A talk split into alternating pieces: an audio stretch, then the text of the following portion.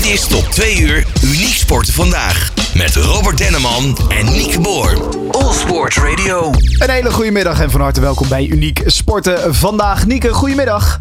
Ja, goedemiddag Daan. Ja, Eh, Robert is helaas ziek. ja, maar jij weet hoe het werkt. Ja, daarom. Het is niet de eerste keer inderdaad, dat is goed. Eh, van harte welkom, eh, jij ook, Nieke natuurlijk. Vandaag Uniek Sporten. Wat gaan we doen in de uitzending? Ja, weer drie gasten. leuke gasten. Menno Streefland, Bas Parinousa en Niels Meijer. Menno vertelt over, ja, over zijn verhaal. Maar hij heeft voor Unique Sporten zijn verhaal ook al gedaan. Met Nu is het rammen. Dus we zijn daar zeer benieuwd naar. Nou, eigenlijk heeft Bas hetzelfde gedaan, maar dan Ironman op wielen. Dus die heeft ook een, eh, een heel, mooi- heel goed verhaal. En eh, we hebben Niels Meijer. En, eh, en Niels is ook eh, vooral bekend ook als directeur van de Johan Cruijff Foundation. Maar eh, is ook eh, bestuurder van de MOS, de maatschappelijke organisatie in de sport. En daar gaan we het over hebben. Kijk, ja, en gewoon twee documentairemakers hier in de studio. Ja, het is. eh we hadden eigenlijk in de, de podcast studio moeten zitten. Ja, we hadden eigenlijk beeld erbij moeten hebben, inderdaad. Eh, goed, laten we daar eh, zo meteen eh, mee verder praten. Dan gaan we beginnen met Menno. Eerst gaan we natuurlijk naar het laatste sportnieuws. All Sport Radio. Update. En dat krijgen we zoals altijd van Robin Wubbe. Robin, goedemiddag. Goedemiddag, Daan. Ehm, ja, het, het sportjaar moet echt nog een beetje op gang komen. Het zwaartepunt dit jaar ligt natuurlijk eh, straks in augustus bij de Paralympische Spelen. en vooral tussen april en juni vallen de beslissingen in wie zich wel en niet gaat kwalificeren voor die Spelen in Parijs. Wie we in de Franse hoofdstad in elk geval terug zullen zien is rolstoeltennister Diede de Groot. En zij won eind januari in Melbourne de Australian Open. Alweer haar 21ste Grand Slam titel, een evenaring van het record van Esther Vergeer. Kanttekening die ik daarbij wel wil plaatsen is dat Vergeer niet in al haar topjaren op de Grand Slams in actie kwam. Die toernooien bestonden toen simpelweg nog niet voor rolstoeltennissers. En er was bijvoorbeeld op Wimbledon pas een enkelspeltoernooi toen Vergeer al lang gestopt was. Maar niettemin, de Groot is goed aan het jaar begonnen. En dat gold ook voor Sam Schreuder, die in de quad-divisie de titel veroverde in Melbourne. Alpine skiester Claire Petit dan, die maakte indruk tijdens de eerste World Cups van dit kalenderjaar. In Vezona in Zwitserland werd hij derde op de Super G en op de piste in het Italiaanse Cortina d'Ampezzo, waar dus over twee jaar de Paralympische Winterspelen gehouden worden, veroverde Petit het brons op de afdaling. Rolstoelschermster Iris Tenkink bereikte in Cardiff, in Wales dus, eh, voor het eerst sinds september weer de kwartfinales in een World Cup wedstrijd. En richting Parijs zal ze nog wel wat plaatsen op de wereldranglijst moeten stijgen om er überhaupt op Paralympisch niveau bij te zijn. Begin maart eh, zijn de Europese kampioenschappen en daar zal ze echt een goede prestatie neer moeten zetten. Nou ja, dan tot slot noteerde de para-zwemploeg de nodige limieten voor de Europese kampioenschappen later dit jaar. Eh, dat deden ze in Aberdeen tijdens de World, Ser- World Series. En Lisette Bruinsma klopte daar zelfs een limiet voor de Paralympische Spelen. Nog even vooruitkijken dan naar de komende maand. Eh, het Paralympisch kwalificatietoernooi voor de boogschutters is denk ik wel het belangrijkste evenement in maart. Mark de Gier en Roy Klaassen gaan begin die maand in Dubai proberen een van de laatste tickets voor Parijs te bemachtigen. Ook judoka Daniel Knecht mikt, nog op Parijs en hem wacht komende maand de World Grand Prix in het Duitse Heidelberg, waar hij zoveel mogelijk punten probeert te bemachtigen voor de wereldranglijst.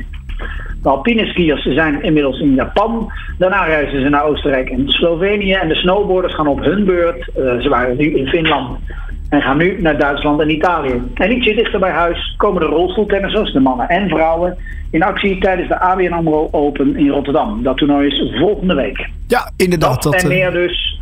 Oh, sorry, we praten door elkaar heen.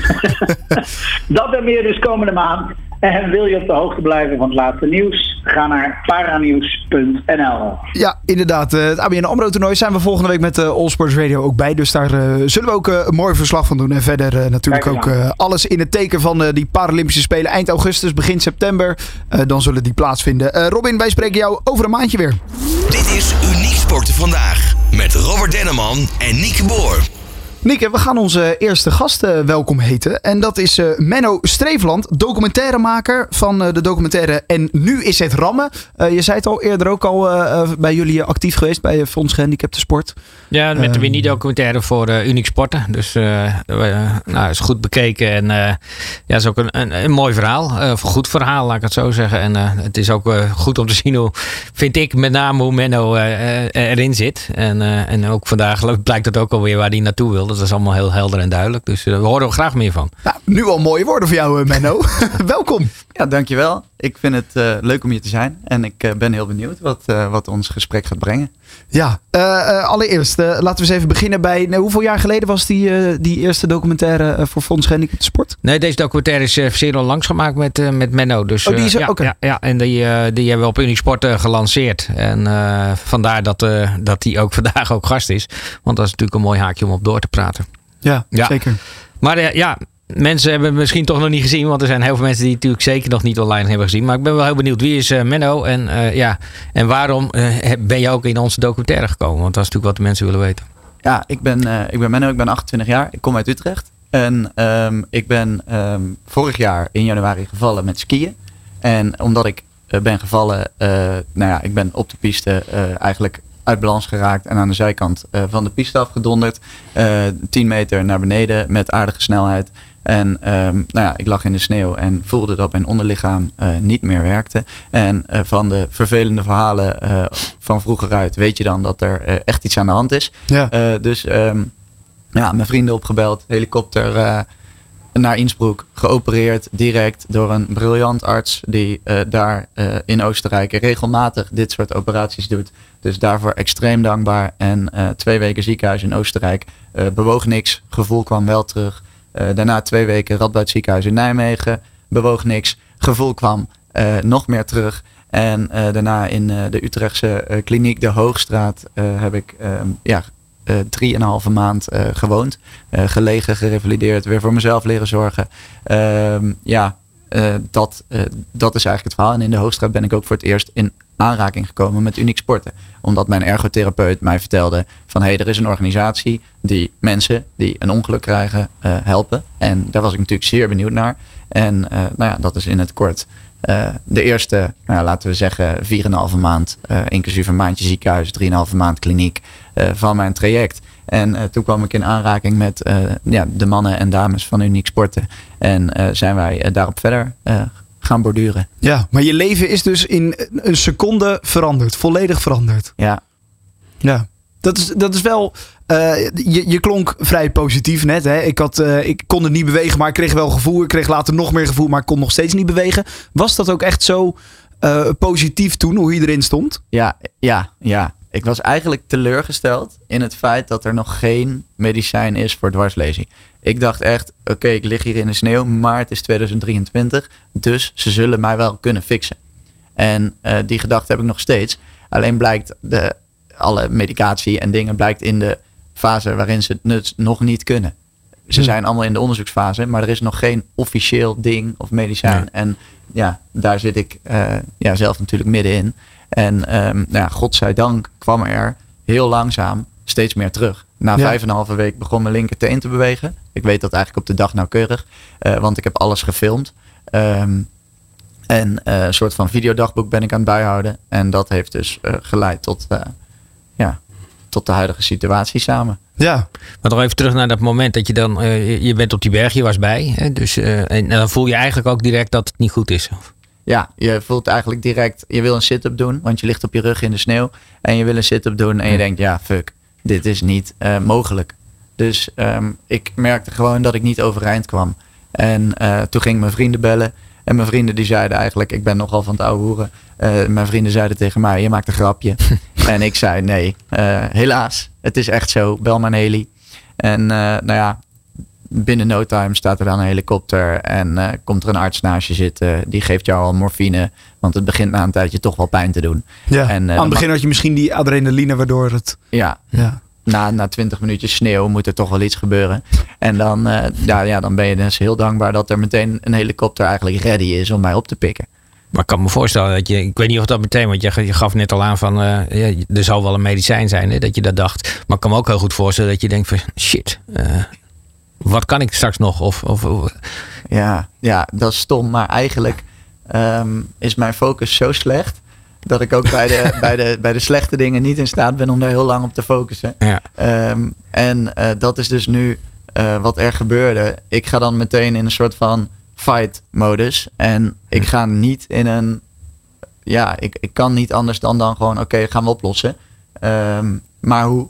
En ehm, ja, inmiddels ben ik dus echt wel door, dankzij ook de filmpjes en dankzij ook eh, alle lieve mensen die eromheen staan, ben ik dus steeds verder gekomen. En Ja. ja, ja, dus, ja, ja, ja. ik dacht wel fuck, maar wel van met de mensen om me heen komt dit wel weer goed. Ja. En uiteindelijk kwam je hier eh, met wat ondersteuning wel gewoon lopend binnen. Ja, ja. Het is, het is, ik loop klaar. Het is niet fair. De balans is niet goed. Eh, ik, heb ik kan niet zonder rollator of krukken, maar eh, ik loop. En dat is voor je hele doorbloeding, eh, voor je hele lichaam, voor alles wat er gebeurt in je lichaam, is dat gewoon heel belangrijk. En Was- je, je progressie. Dus dat is ook natuurlijk enorm belangrijk. Ja. Ja. Ja. Wa- Was dat een beetje eh, het doel ook toen je in dat reval- revalidatiecentrum kwam? Ik kan me voorstellen dat je dan in je hoofd een soort doel hebt. Als ik hier wegga, na, nou ja, in jouw geval was het dan 3,5 maand. Was dat een soort van doel? Hing dat op de deur iedere dag als je die, die kamer uitging? Ja, ik dacht ik ga hier lopend weg. Eh, maar de therapeuten dachten daar aanvankelijk wel wat anders over. Hm. Want er bewoog niks Toen ik daar binnenkom. Dus zij wilde mij geen valse hoop geven. Dus aanvankelijk wordt er tegen jou gezegd van ja, maak je, ge- of, ja, maak je vooral geen illusies. De kans dat er dingen terugkomen is heel klein. En ik was wel, ehm, hoe zeg je dat? Het emotioneert me nog steeds. Ik was wel heel gelukkig toen eh, de eh fysio op een gegeven moment zei, je hebt mij ook verbaasd van wat er nu aan de hand is, wat er nu gebeurt, had ik echt niet voor mogelijk gehouden. En daar ben ik wel heel blij mee. Ja. En toch, ja, kijk, ze moeten realistisch zijn. Aan de andere kant verwacht je ook wel dat ze eigenlijk eh, eh, ook duidelijk maken wat er eh, mogelijk allemaal wel kan. Wordt dat ook meegenomen op die manier? Ik vind dat de Hoogstraat is echt extreem op zoek naar oplossingen. Dus ehm, ja, autonomie, zonder hulp thuis wonen. Dat is echt het doel van je kliniek. Die, die zijn echt bezig met jou voor jezelf weer te laten zorgen. Je ritme van je eigen lichaam te laten leren kennen. Die zijn echt bezig met jou helpen. Eh, ja, zelfstandig de deur uit. Ik ben hier nu in mijn eentje met mijn eigen bus. Dus dat is ze prima gelukt.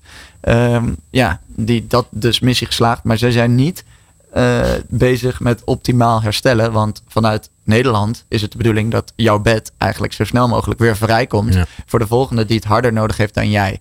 En bij de Hoogstraat trainen ze dus met brace, met hulpmiddelen. Eh, waar ik bij de fysio nu ben ik echt aan het trainen zonder hulpmiddelen. Dus bij de fysio train je voor herstel, bij de eerste lijns fysio. Maar bij de eh, kliniek train je voor autonomie. En sport en bewegen is natuurlijk een deel van de revalidatie. Maar eh, zijn ze dan ook geïnteresseerd in welke sporten jij eh, ja, deed voor je, voor je ongeluk? Of hoe gaat dat dan? Zeker. Ze gaan eigenlijk vanaf het begin kijken welke sporten kunnen. Dus in de eerste momenten begin je eigenlijk vaak met rolstoelbasketbal. Die is, dat is eigenlijk het eerste wat ze je geven. Van hier heb je een basketbal en succes. Ja. Eh, dan ga je vanuit je rolstoel ga je, eh, ja, badmintonnen, eh, dingen die ja, eigenlijk racketsporten. Die zijn ook rolstoelmatig best wel goed te doen. Ehm, maar ik was daarin misschien niet de, het ideale voorbeeld. Want ik wilde dat niet. Ik wilde vooral die fietsen met mijn benen proberen. De Unique Sport heeft de handbike battle. Ik had zelf veel meer de wens om ja, de legbike battle in, te doen. En ik vond de driewielerfiets bijvoorbeeld, toen ik daar voor het eerst iets mee kon. En dat is ook het product wat ik uiteindelijk van Unique Sport heb gekregen. ehm, dat, dat product, dat voelt goed. Want dan heb ik het gevoel van, hé, hey, ik ben en aan het herstellen en aan het sporten. Ja. En ondanks dat ik handbiken fysiek heel prettig vind, omdat ik me echt, het is echt een workout. Dus Ja. dat is echt mega chill. Maar ik had in het begin daar een beetje een afkeer tegen. Omdat ik dacht, ja, ik heb hier geen tijd voor. Ik moet herstellen. Ik wil die benen gebruiken. Ja. ja die moeten getraind worden. Ja. Ja. Dus inmiddels ben ik de laatste paar maanden handbiken meer gaan waarderen. Omdat ik voel wat het met mijn schouders en mijn armen doet. En, en heb jij die handbike in, eh, in, in de, uit de uitleen gekregen? Of heb je hem echt eh, als, eh, als hulpmiddel gekregen? Eh, de handbike is als hulpmiddel. Die is nog, daar zijn ze nog mee bezig. Ik heb hem nog niet. Maar eh, het uitleenproduct is de driewielerfiets. Ja.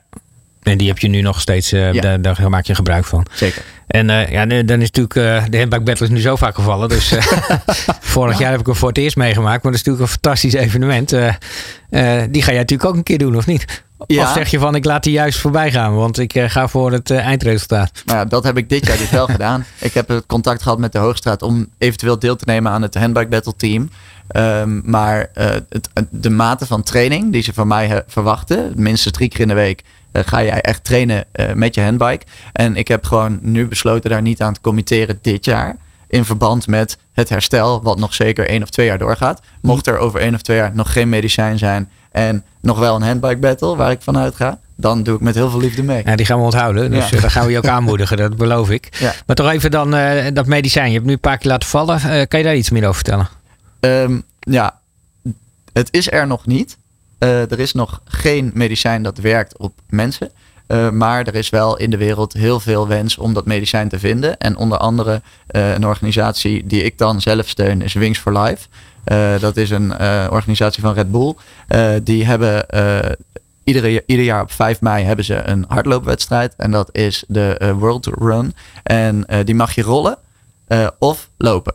Dus uh, wandelen, lopen, rollen. En eigenlijk is dat om geld op te, op te halen en in te zamelen voor ruggenmergletsel. En uh, nou ja, daar ben ik mee bezig. Want ik geloof echt dat met mij. Kijk, ik heb het geluk dat ik weer kan lopen. Maar uh, naast mij zit iemand met een iets completere lesie. Um, Bas heeft gevoel, maar geen beweging nog. En um, ik zou het zo tof vinden als wij gewoon met z'n allen een rondje rennen in de Alpen over tien jaar. Ja. Zeg maar. En Ja. daar is dat medicijn voor nodig. Ja. Ja, belangrijk. En uh, ja, Red Bull uh, uh, moet je e-, even meenemen in de tijd. Want wij hebben ooit een keer de, de, voor 1% fair share de prijs gewonnen voor het meest innovatieve concept. Ja. En nou, wij hebben die ring daar gekregen. En op het podium mocht ik toch een andere partij uitdagen wie er als eerste part moet worden. Nou, die zou ik hier niet noemen, dat is vervelend. Maar er was een andere partij die had ook een ring gewonnen. En dat was Red Bull. En op het podium hebben wij toen, ik weet niet eens meer waarom, maar we hebben de ringen geruild. Want die kon je van het voetstukje afhalen.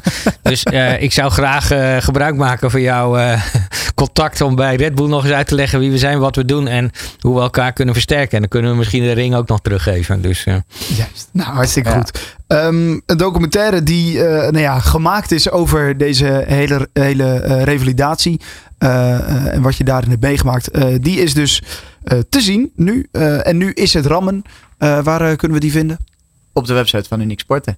Ja, makkelijk te vinden. Ga nu Uniek Sport en dan kom je mezelf tegen. Dus, maar als je erop uh, googelt, vind je hem ook. Dus uh, gaat zeker lukken. Hartstikke goed. Uh, Menno Streefland, dank voor je komst en heel veel succes nog bij je revalidatie. Dankjewel. Sporten Vandaag met Robert Denneman en Nieke Boer. Ja, goedemiddag Bas. nou, net een mooi verhaal al gehoord. wie ben jij en waarom hebben we jou uitgenodigd in de studio? Daar wilden de luisteraars vast meer van horen. Uh, ja, nou, daar kan ik zeker wat meer over vertellen. Ik ben uh, Bas Parinousa, 43 jaar. Ik ben woonachtig in uh, Weesp. Ik ben de zoon van Joop en Ellie. En de broer van Robert. Um, ik, heb, nou ja, ik heb ook een ongeluk gehad. Ik, ik, in mijn geval was het de motorongeluk. Hm. Um, en dat was eigenlijk niet zo heel ver van hier vandaan. Maar op een, op een N-weg. En daar ben ik in aanraking gekomen met een auto. Daar heb ik mijn rug bij gebroken. En sindsdien vanaf mijn borst af uh, naar beneden verlamd. Ja, ja. Ik had je docu gekeken. De helm heb je wel gered, begreep ik. De helm heb me zeker gered. Ja, Die ja. staat thuis bij mij in de vitrinekast. Ja, ja echt waar? Ja, zeker. Oké, okay, dan ja. Jij hebt inderdaad uh, ook een documentaire gemaakt. Ironman op wielen. nou, daar gaan we het zo meteen nog even over hebben. zat bij jou de, dezelfde positiviteit na het ongeluk als dat we hoorden van Menno?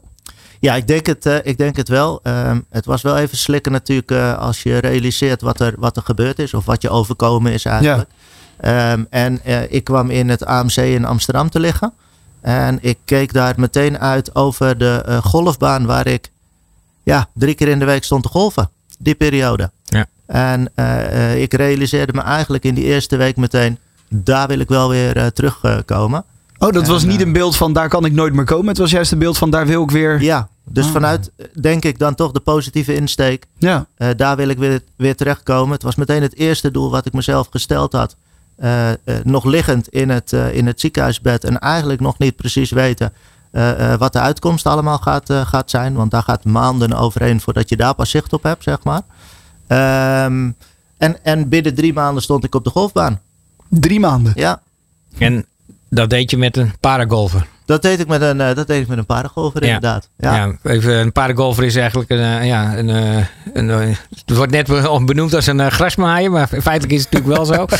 je, je mag ermee de green, je mag er overal mee op, maar het is een, eigenlijk een rolstoel waar die, met een op functie. Hè? Dus je komt ja. eigenlijk compleet omhoog, waardoor je in de golfhouding komt. En eigenlijk gewoon, net zoals, nou, je zou met mij gewoon de baan in kunnen en gewoon een rondje kunnen lopen. En het mooie van golf is natuurlijk, ja, je hebt de golfhandicap en eigenlijk ga je met diezelfde golfhandicap de baan baan in. Dus het is de, wat dat betreft de meest inclusieve mogelijkheid om te sporten. Ja. Neutraliseert alles. Ja, het neutraliseert alles. En uh, soms, uh, ik heb natuurlijk wel meegemaakt, met name met Monique Kalkman, dat, je, dat Monique uh, een bunker inging en uh, dat bunkertje toch even iets te moeilijk was om er weer uit te komen. Dan, dan halen we met z'n allen weer uit natuurlijk. Ja. Maar je mag ook conform de regels een bunker ontwijken natuurlijk. Dus, ja. Ja. Maar dat, dat heb jij ook allemaal meegemaakt. Dat, dat heb ik inderdaad ook allemaal meegemaakt. En ik moet eerlijk zeggen dat ik het ik, ik kan me nu niet zo snel meer heugen wanneer ik voor het laatst op de golfbaan ben geweest. Want er zijn andere activiteiten voor in de plaats gekomen.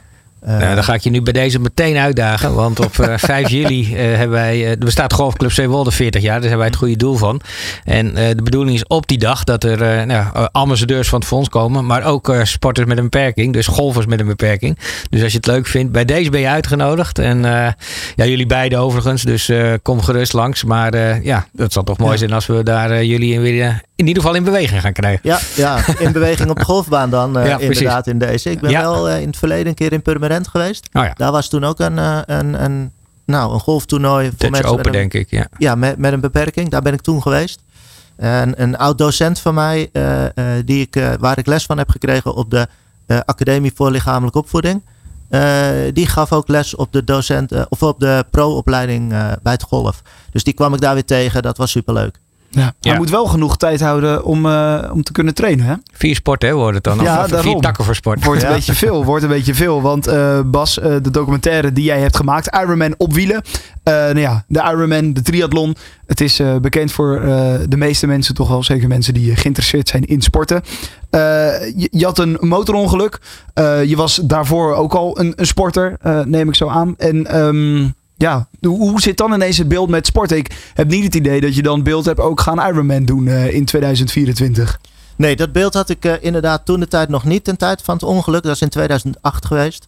Daarvoor was ik gymleraar. Ik ben nog steeds gymleraar. Ik bedoel, ik heb die opleiding gedaan. Dus bewegen is altijd belangrijk voor me geweest. Ja. Um, en toen kwam ik in, de revalidatie, uh, in een revalidatieprogramma terecht. Overigens ook op de Hoogstraat, waar jij hebt gezeten. Um, en, en, en toen keek ik om me heen en toen dacht ik, ja, dit is eigenlijk geen bewegen. Want het voldeed niet aan het beeld wat ik had. Uh, uh, hoe je bijvoorbeeld een, een volleybalwedstrijd zou moeten spelen. Ja. Um, maar eigenlijk kwam ik er daarachter dat hoe je het doet niet zoveel uitmaakt. De beleving vond ik veel belangrijker. Mensen zijn net zo fanatiek. Of je nou in een rolstoel zit of dat je loopt.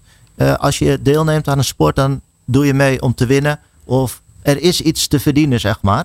En die beleving is niet anders of dat je nou zit of kan staan. Uh, dus dat vond ik leuk om terug te vinden, zeg maar, in de sport. Ja, wat was bij jou een beetje de sport die je bent gaan, uh, gaan uh, uitoefenen? Uh, we hoorden net Menno vertellen over de eerste sport die hij heeft gedaan vanuit dat revalidatiecentrum was rolstoelbasketbal. Hoe is dat bij jou gegaan en met welke sporten ben je allemaal in contact gekomen? Nou, het is eigenlijk, ik, hoef, ik hoef Menno niet te herhalen, want ik bedoel, ik heb in hetzelfde revalidatiecentrum ja. gezeten. En omwille van het aantal revalidanten wordt er ge of wordt er gekozen, in die tijd in ieder geval, voor rolstoelbasketbal. Je kan in een uur tijd met tien mensen, eventueel aangevuld met een therapeut of niet, uh, uh, kun je een uur lang bewegen. Met andere woorden, uh, weer in beweging komen, een doel stellen, fit worden ter ondersteuning van je revalidatieproces. Alleen mijn interesse lag meer bij rolstoeltennis.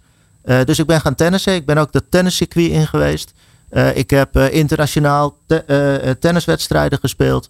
Ehm, ik heb hartstikke mooie delen van de wereld mogen zien. Ik bedoel, ik heb niet op een Grand Slam gespeeld.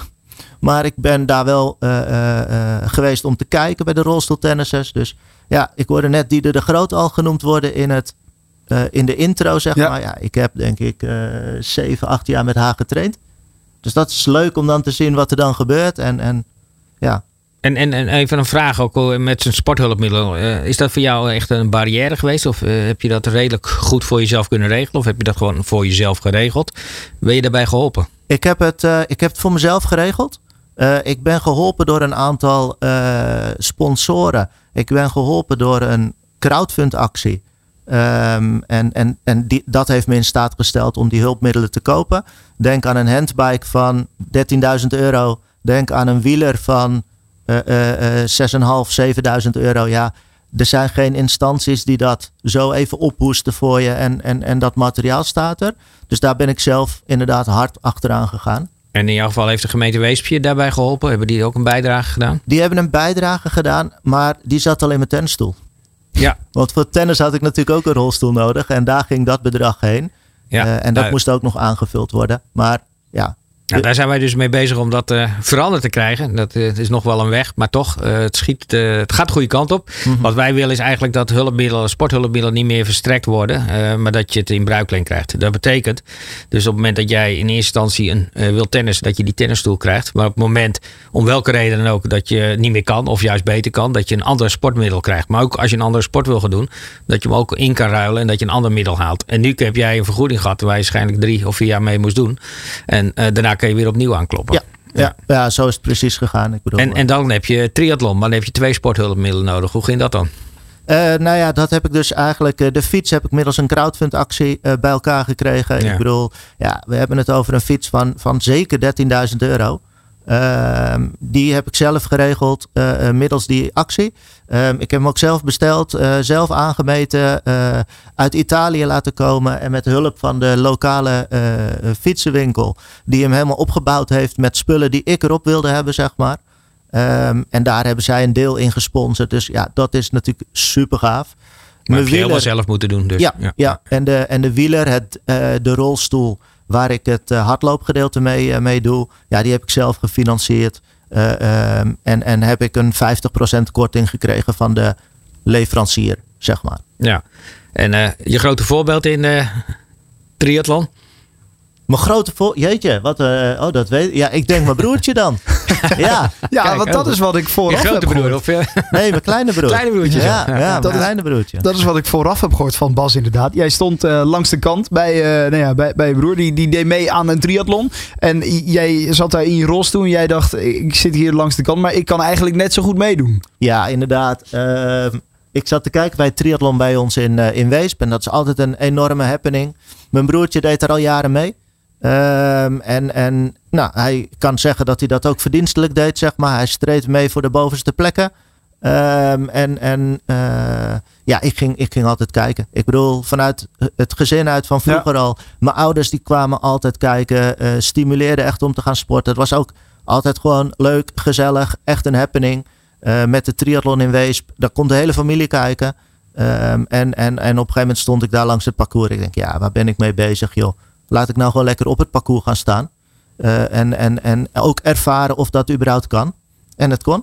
Ja. Ja. Ja, en toen heb je in 2017 meegedaan aan een triathlon in Hawaii. Ja, dat klopt. Ehm, ik, heb, ik heb daar eh, meegedaan. Ik heb daar de finish niet gehaald. Nee. En eh, dat kwam door verschillende redenen. Alleen ik heb sindsdien wel het verlangen om daar die race ooit nog een keertje af te maken. Ja, die En- kans krijg je misschien. Hè? Want 30 juni kan je kwalificeren, heb ik begrepen. In Ehm, Luxemburg, of niet? Ik kan me, ik kan Ja. me inderdaad eind juni kwalificeren in, eh, in Luxemburg bij de Ironman daar. En wat en- moet je daarvoor doen? Wat, wat, wat moet je neerzetten? Een bepaalde tijd? Of? Ik moet daar eh, bij de beste 10% van mijn agegroep eh eindigen. Ehm, en een agegroep in dit geval betekent een groep met mensen die gebruik maakt van hulpmiddelen. als een handbike of een wieler. Ja, dus ze hebben daar een apart klassement voor, Ja. eh, voor mensen die dezelfde hulpmiddelen moeten gebruiken. Juist, juist. eh, als jij. En als je daar, daar bij de beste 10% zit, dan kwalificeer je jezelf voor eh, nou ja, de, de, de Ironman, de triathlon in, eh, in Hawaii. Dat klopt. En dat is uiteindelijk het, het, het doel. Ja. En, want ik, ik wil daar gewoon een keer over de finish rijden. Ik wil daar, nou ja, dat ze de woorden You are an Ironman roepen tegen je. Ik bedoel, dat is gewoon super gaaf, denk ik, om mee te maken. ik heb het wel bij mijn broertje gezien. En dat, dat was al leuk. Laat staan als je daar dan zelf over die, eh, over die eh, finishlijn gaat. Dus eh, dat is wel de bedoeling, ja. Ja, en, dat is en, en hoe sta je ervoor? Want eh, ja, de, be- eh, 10% eh, heb je een idee waar je staat eh, in het veld? Ik heb, ik heb nu nog niet echt een idee waar ik sta. Dat heeft ook mee te maken dat ik geen zicht heb op de deelnemerslijst. Ehm, er moet nog wel wat gebeuren qua fysiek deel bij mezelf. Eh, maar daar ben ik, eh, daar ben ik hard mee, eh, mee bezig. Eh, ik, eh, ik, ik zwem en ik fiets regelmatig in mijn, eh, in mijn garage. Zwemmen niet in mijn garage overigens. dat, zou een, dat zou een beetje overdreven Zou zijn mooi als ik dat eh, zou zeggen. Ehm, maar fietsen wel. Eh, zwemmen in het zwembad hier niet ver vandaan in ieder geval. Ja. Ja. Hoe werkt dat eigenlijk? Want met eh, fietsen kan ik me inderdaad voorstellen. De handbike, dat is een, Ja. een bekend iets. Dat, dat, zie, dat zie je nog wel over straat gaan. Met zwemmen, hoe, hoe werkt dat? Eh, met zwemmen mag ik gebruik maken van een wetsuit. Eh, dat geeft me iets meer drijfvermogen. Mijn benen zakken eigenlijk gewoon letterlijk naar beneden toe. Ja, want ook Eh. jij hebt een dwarslesie eh, vanaf, vanaf je... Borst naar beneden. Juist. Dus ik doe alles op schouders en, en armen. Ja. Ehm, met het zwemmen mag ik dus gebruik maken van wat extra drijfvermogen middels het eh wetsuit. En ik heb voor mezelf braces gemaakt die mijn benen recht houden. Hm. Ehm, en, en zo zwem ik. Voor de transfer of voor de wissel vanuit het water naar mijn handbike mag ik twee mensen gebruiken die mij het water uit eh, helpen en in mijn fiets eh, zetten. Ehm, vanaf dat moment doe ik het weer zelf. Dus ja, moet ik op armkracht eh, mijn fiets de afstand afleggen. Ja. Ja. Ja, en dan het hardlopen is wielen. Is Ja. het onderdeel. Dus eh, om uit te leggen, handbiken eh, doe je ja, met je handen eh, voor je, zeg maar. Mhm. En met wielen gebruik je eh, de, de wielen om, eh, om vooruit te komen. Klopt. eh, en bij de fiets, bij de handbike, eh, daar is dan, maak je gebruik van een kettingoverbrenning. Ja. En bij een wieler eh, eh, pak je direct de hoepels van de wielen eh, Ja. vast. Ja. Ja. Dat is eigenlijk meer een rolstoel. eigenlijk wel. En wat is nou je favoriete onderdeel? Ja, ik kan me voorstellen, bij mij zal zwemmen echt per definitie het, eh, het onderdeel zijn waar ik het meeste hekel aan zou hebben. Maar die heb je dan ook maar gehad in het begin. want Die daar heb je dan gehad. En, Hoe is het bij eh, jou? nou, ik kijk er ook zo tegenaan.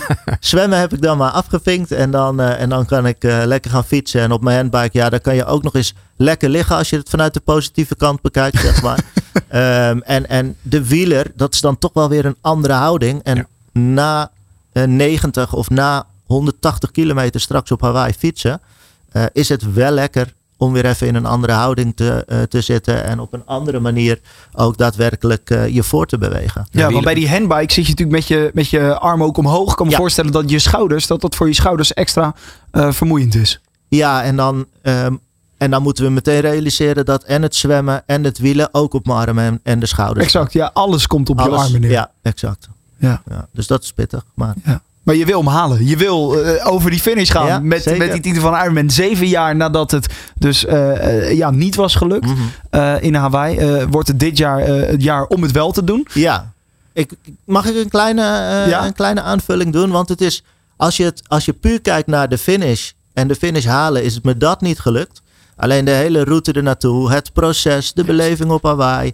Ehm, eh, de interactie met alle andere atleten, ja, dat is, dat is zeker meer dan geslaagd. Ondanks dat ik niet de finish heb eh, behaald.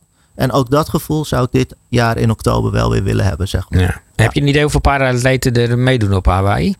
Ehm, ik kan dat antwoorden vanuit mijn ervaring uit 2017. En toen waren er geloof ik zeven of acht deelnemers. Ja. Ja. Op, de, op de ja. 2500 deelnemers in totaal. Nou, wie weet zijn het er meer. Eh, Ja. Het wordt steeds populairder, dus dat is goed. Ja, Zou mooi zijn. zeker. Ja. Ja. Eh, jouw verhaal is ook te zien in een documentaire. Ook jij hebt een documentaire hierover gemaakt. Eh, vanaf wanneer kwam dat idee en wat is er te zien in die documentaire? Eh, het idee is een eh, jaar of drie geleden geboren. Ehm, ik volgde destijds een eh, YouTuber die in het Nederlands eh, uitleg geeft over eh camera gear. Ehm, en hij kwam met de oproep van, joh, ik wil mezelf uitdagen door het maken van een documentaire, cinematisch. Dus met de eh, ogen, vanuit het oogpunt eh, eh, gewoon, ja, het moet er super gelikt uitzien. Ehm, en hij deed een oproep van, joh, ik ben op zoek naar iemand met een verhaal. Dat mag een verhaal zijn vanuit een maatschappij. Dat mag een verhaal zijn van een sporter. Dat maakt eigenlijk niet zoveel uit. Ehm, nou, per toeval keek ik dat natuurlijk. En ik heb eigenlijk alleen gereageerd van, joh, check mijn Instagram pagina. Als jij denkt dat dit voldoet, dan moeten we een keer met elkaar in gesprek. En als jij zegt, hmm, ik weet het niet, dan doen we het niet. Ook goed. Maar er is een gesprek uit voortgekomen. Er is eh 2,5 jaar voorbereidingstijd eh, eh, uit voortgekomen. En uiteindelijk afgelopen januari is die docu uitgebracht. Ja, mooi. Zeker. En ik zal hem zeker kijken, dus eh, hij is goed. Ja. Ja. en eh, hij is gewoon eh, te zien op YouTube. Hè? Eh, hij is, hij is openbaar op, op YouTube. Als je zoekt op eh, Ironman op wielen, dan moet hij naar voren komen. En anders wordt het zoeken op Matthijs de Deugd. Hij heeft hem gemaakt. En dan vind je hem ook. Goed om die naam eh, ook te noemen, Matthijs de Deugd. Ehm, ik wens je voor nu in ieder geval heel veel succes met het trainen. Laten we hopen dat je je in Luxemburg kan kwalificeren voor de, de triathlon, de Ironman Mhm. in Hawaii. En nou ja, wat je zelf al zei, het is al een overwinning om nou ja, weer aan al die sporten mee te kunnen doen. maar laten we ook hopen dat als je daar aan de start staat, dat je hem dan mag halen en die Ja. Ironman mag zijn. Ja, het zou mooi zijn. Zeker, hartstikke goed. Uh, dankjewel Bas en dank voor je vrouw. Dit is Uniek Sporten Vandaag met Robert Denneman en Nieke Boer. En wij gaan spreken met Nieuws Meijer. Hij is uh, directeur van um, de Johan Cruijff Foundation en de medeoprichter van de MOS, de maatschappelijke organisatie in de sport. Nieuws, goedemiddag. Goedemiddag. Goed dat je er bent. Uh, de Johan Cruijff Foundation, die kent iedereen toch wel, uh, Nico ook? Ja, uh, dat denk ik wel. Ja. Nou, iedereen is een grote vraag, maar ik weet niet of me, Niels er onderzoek naar heeft gedaan. Niels, heb je onderzoek hoeveel mensen de Johan Cruijff Foundation kent?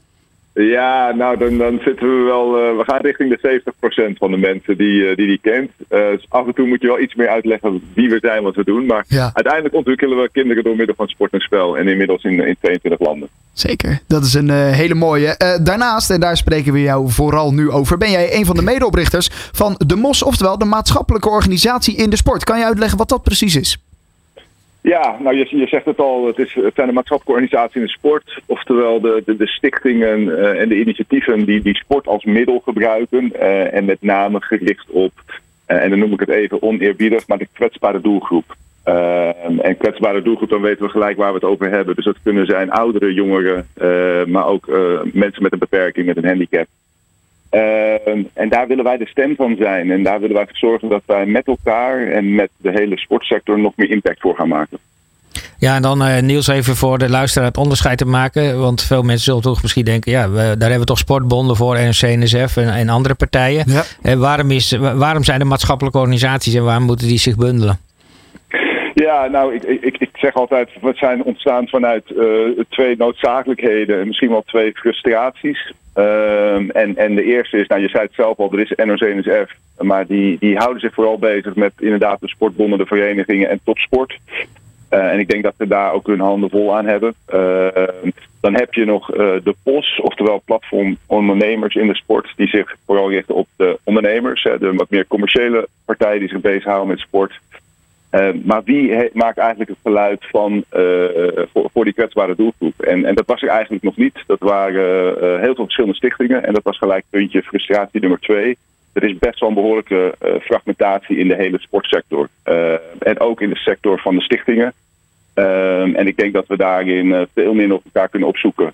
en van daaruit is, is, is de MOS eigenlijk ontstaan met, met een aantal hele enthousiaste, mooie partijen die ook zelf die noodzaak voelden.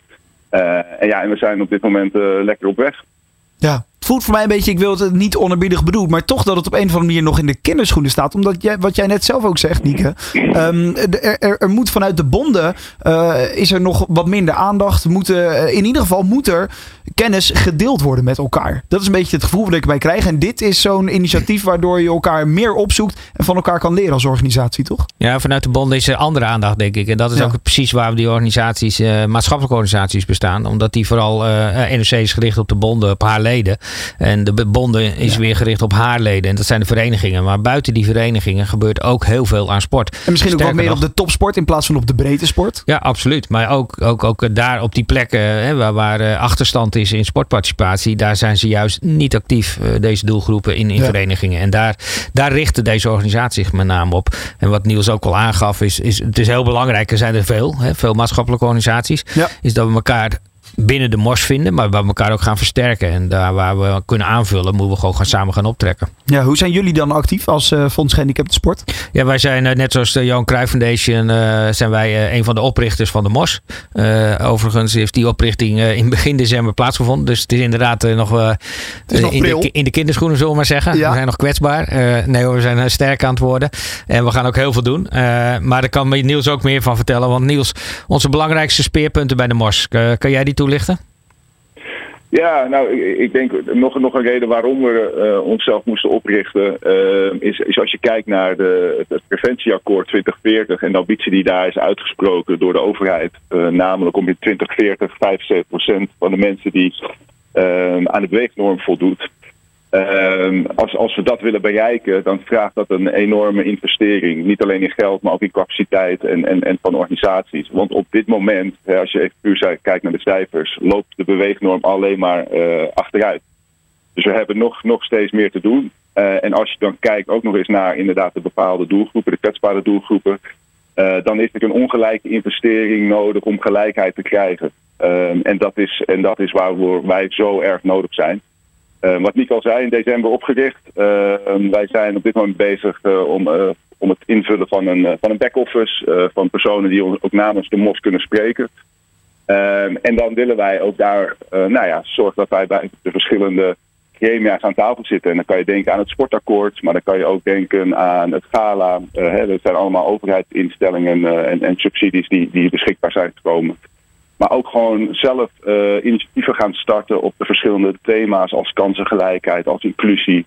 Waarin de MOS enorme uh, kennis mee naar, naar, tafel kan brengen. Uh, maar ook enorme slagkracht en vernieuwing. om uiteindelijk ook ervoor te zorgen dat die verenigingen en die ondernemers veel meer inclusief worden. Ja, want de MOS krijgt veel meer invloed op de sportagenda voor in de toekomst. Kijk, de, het sportakkoord is nu afgesloten. Uh, daar hebben we zijdelings wel uh, aan, aan, meegedaan. Maar toen waren we nog niet opgericht. Maar voor toekomstige akkoorden is natuurlijk de bedoeling dat daar de, het aandeel van de MOS ook op een goede manier terug gaat komen. Ja. Want als je kijkt naar de sportparticipatie, die blijft gewoon sterk achter in Nederland. in, bij de kwetsbare groepen, zoals we gezegd. Maar ook eigenlijk NOC-NSF wil groeien. Nou, als je dan toch in die sportparticipatie wil groeien, dan is de eerste winst wel te behalen bij die groep die juist nog niet aan het sport is. Ja, inderdaad. Hoe willen jullie dat gaan doen? Daar meer aandacht voor creëren als MOS uh, zijnde? Ja, ja Niels. nou ja, dat, dat, is mooi dat Nick daar ook zit, want die inderdaad is, is zeer nauw betrokken. maar, maar ja, een, een van de dingen is gewoon geluid gaan maken. Kijk, uh, zeg altijd vanuit de Johan Cruijff Foundation. Vroeger hadden we Johan Cruijff toen hij nog leefde en hij schreef een column in de Telegraaf. Uh, en de volgende dag zaten we met de minister op tafel. Ja. Nou, dat is, dat is helaas niet meer zo. Tegelijkertijd hebben we met de organisatie natuurlijk een enorm netwerk en hele mooie namen. Hè? Want als je kijkt naar de, nou, een aantal van de organisaties die, die in de MOS nu uh, zijn aangesloten, is, is de Echte Vergeer Foundation, uh, de Bas van der Goor Foundation, de Giovanni van Bronckhorst Foundation, maar ook het Jeugdfonds Sport en Cultuur. Nou, ik ga er heel veel uh, niet, niet noemen, maar, maar zulke partijen zitten er wel. En met elkaar natuurlijk enorm slagkracht. Dus, dus een van de dingen die we zeker gaan doen is, is een sterke lobby starten richting de overheid. Zowel landelijk als, als, als regionaal en lokaal. Uh, om het geluid te laten horen wat er voor nodig is om, om die mensen uh, allemaal in beweging te krijgen. Ja, het is, en dat zijn ook onze belangrijkste resultaten van uh, maandag is het natuurlijk een, uh, een sportdebat, om zo te zeggen, in de Tweede Kamer. Ja. Nou, daar zie je nu ook al dat er uh, een aantal inbrengen zijn vanuit de organisaties. Die zijn er altijd geweest. Maar daar wordt de MOS nu ook meegenomen. En omdat we nu eigenlijk nog wel net zijn opgericht, is, dat, is dat nog wat kleiner. Maar in de toekomst zullen we daar nadrukkelijk aanwezig zijn. Ja, en, en dan misschien nog aanvullend. Hè. we, we hebben het over de urgentie van samenwerken binnen de maatschappelijke organisaties in de sport. Maar als je heel even uitzoomt op de gehele sportsector, dan kunnen we ook wel zeggen dat die af en toe gewoon, gewoon amateuristisch is, is ingeregeld. En inderdaad, we hebben een mooie koepel voor de bonden en de verenigingen, namelijk NOC-NSF. We hebben die ondernemers, we hebben sportbedrijven die heel hard aan het werk zijn. Maar we opereren allemaal een beetje los van elkaar. En, en dat komt nu wel samen in een sectoroverleg, waarin we zes keer per jaar met de partijen die ik net noemde samenkomen en via een agenda met elkaar gaan kijken hoe we het verschil kunnen maken. Maar dit is slechts het begin. En we moeten die, die hele sportsector moeten we professioneler gaan maken. Uh, en we moeten laten zien wat sport als middel kan betekenen voor hele, andere, hele verschillende maatschappelijke thema's. Als, als inderdaad kansengelijkheid, maar ook onderwijs en zorg, uh, gezondheid. Dus uh, ja, genoeg te winnen nog. Ja, en dan is het natuurlijk, we hebben nu over de politiek en de overheden die jullie uh, nou ja, moeten zien te bereiken om uh, nou ja, te zorgen dat ze jullie verhaal meenemen in nou ja, nieuw beleid. Daar is, hoe moeilijk het is om die mensen te bereiken. Die verhalen die hebben we ook van Nieke Boor vaak gehoord. Ook in dit programma onder andere. Uh, maar daar weet je in ieder geval wie je moet hebben. Je, je kan de naam van die persoon vinden. Misschien zelfs wel een e-mailadres op de website van ja, de bepaalde politieke partij of op nou ja, het ministerie. Um, maar jullie moeten natuurlijk ook de sporters zien te bereiken. Hoe, hoe, gaan jullie dat doen? Wat is daarvan het idee, Nieuws? Nou, uh, inderdaad. En, en, niet alleen de sporters. Uiteindelijk wil je gewoon heel Nederland gaan bereiken met dit verhaal. Uh, En wat ik zeg, we hebben dus een, zelf al een heel mooi netwerk. We hebben de namen binnen dat netwerk, hè, dus uh, mooie ambassadeurs. Uh, ik hoorde net twee hele mooie verhalen in jullie studio. Ja. ja dat, dat zijn verhalen die je moet gaan vertellen om te laten zien wat voor impact sport kan betekenen voor het perspectief en het leven van iemand. Uh, en dat zit hem, als je, als je goed luistert naar de verhalen net, dat zit hem helemaal niet in het, in het gezond zijn en in het beweging komen. Maar dat zit hem ook in, in, in sociale contacten maken. Dat zit hem in, in, werkgelegenheid. En dat soort verhalen moeten wij gaan vertellen aan, aan, aan inderdaad de sporters, aan de overheid, maar eigenlijk aan alle mensen uh, in Nederland. Uh, want uiteindelijk, uh, nou ja, wat ik zeg, het biedt beter perspectief voor, voor iedereen. Je krijgt gewoon een beter leven door. Ja, en daarbij zijn verschillende landelijke organisaties, zoals de Johan Cruijff Foundation en Fonds Handicap de Sport, is daar zijn die landelijke organisaties belangrijk voor. Nou, 100%. Kijk, wij hebben wel altijd gezegd, als je, als een echte stichting die zegt altijd, uh, we, we, hebben als doel om onszelf op te heffen. Uh, wij, wij willen uiteindelijk niet meer hoeven te bestaan. Alleen, uh, we zien de urgentie alleen maar toenemen. En dan merk je gewoon dat de bestaande gremia's als, als NOC-NSF en, en de ondernemers zijn niet voldoende. Uh, sterker nog, ik denk dat wij een stuk sneller kunnen schakelen. Dat wij echt in kunnen springen op de hiaten in de sportsector, op de, op de urgentie in de sportsector. Alleen, we kunnen dat niet alleen. En we moeten dat uiteindelijk samen gaan doen om, om die impact te gaan maken. Maar wij kunnen wel de, dat vliegwiel zijn. Ja, dat zie je eigenlijk nu al in die korte tijd dat de MOS bestaat. Hebben we nu eigenlijk al uh, in die hele korte tijd veel meer invloed in, worden we ook beter gehoord. En uh, ik blijf het ook een heel mooi voorbeeld vinden, waar we ook naar onszelf kunnen kijken. Dat was een, een project in Overvecht. En daar werd ook uitgevraagd bij de, bij de deelnemers van de MOS van wie is daar actief? Nou Niels, ik weet niet of jij nog weet, maar er waren voor mij acht of negen partijen van ons waren actief in Overvecht. En dat wisten we nou meestal niet van elkaar. Dus, en daar kunnen we ook heel veel winnen, want door samen daarop te trekken... Sta je gewoon sterker. Exact, zo is het. En daar is dus die mos uh, nou ja, een goed voorbeeld van. Ja. ja. Hoe ziet de komende tijd van uh, de mos eruit, uh, nieuws? we, hebben, we hebben er al dingen over gehoord. Hè? Lawaai maken is onder andere iets wat je zei. Wat, wat is het doel van nou ja, het komende half jaar? Nou, op korte termijn, het half jaar is echt onszelf gaan organiseren. Uh, dat houdt in, uh, we zijn een, een, een, een stichting, uh, maar wel een stichting die ook, ook een ledenbijdrage gaat vragen. Dus we willen ook, we zijn nu begonnen met 16 deelnemers. Ik noemde net een aantal partijen. Maar dat willen we uitbreiden met allerlei stichtingen die sport als middel gebruiken.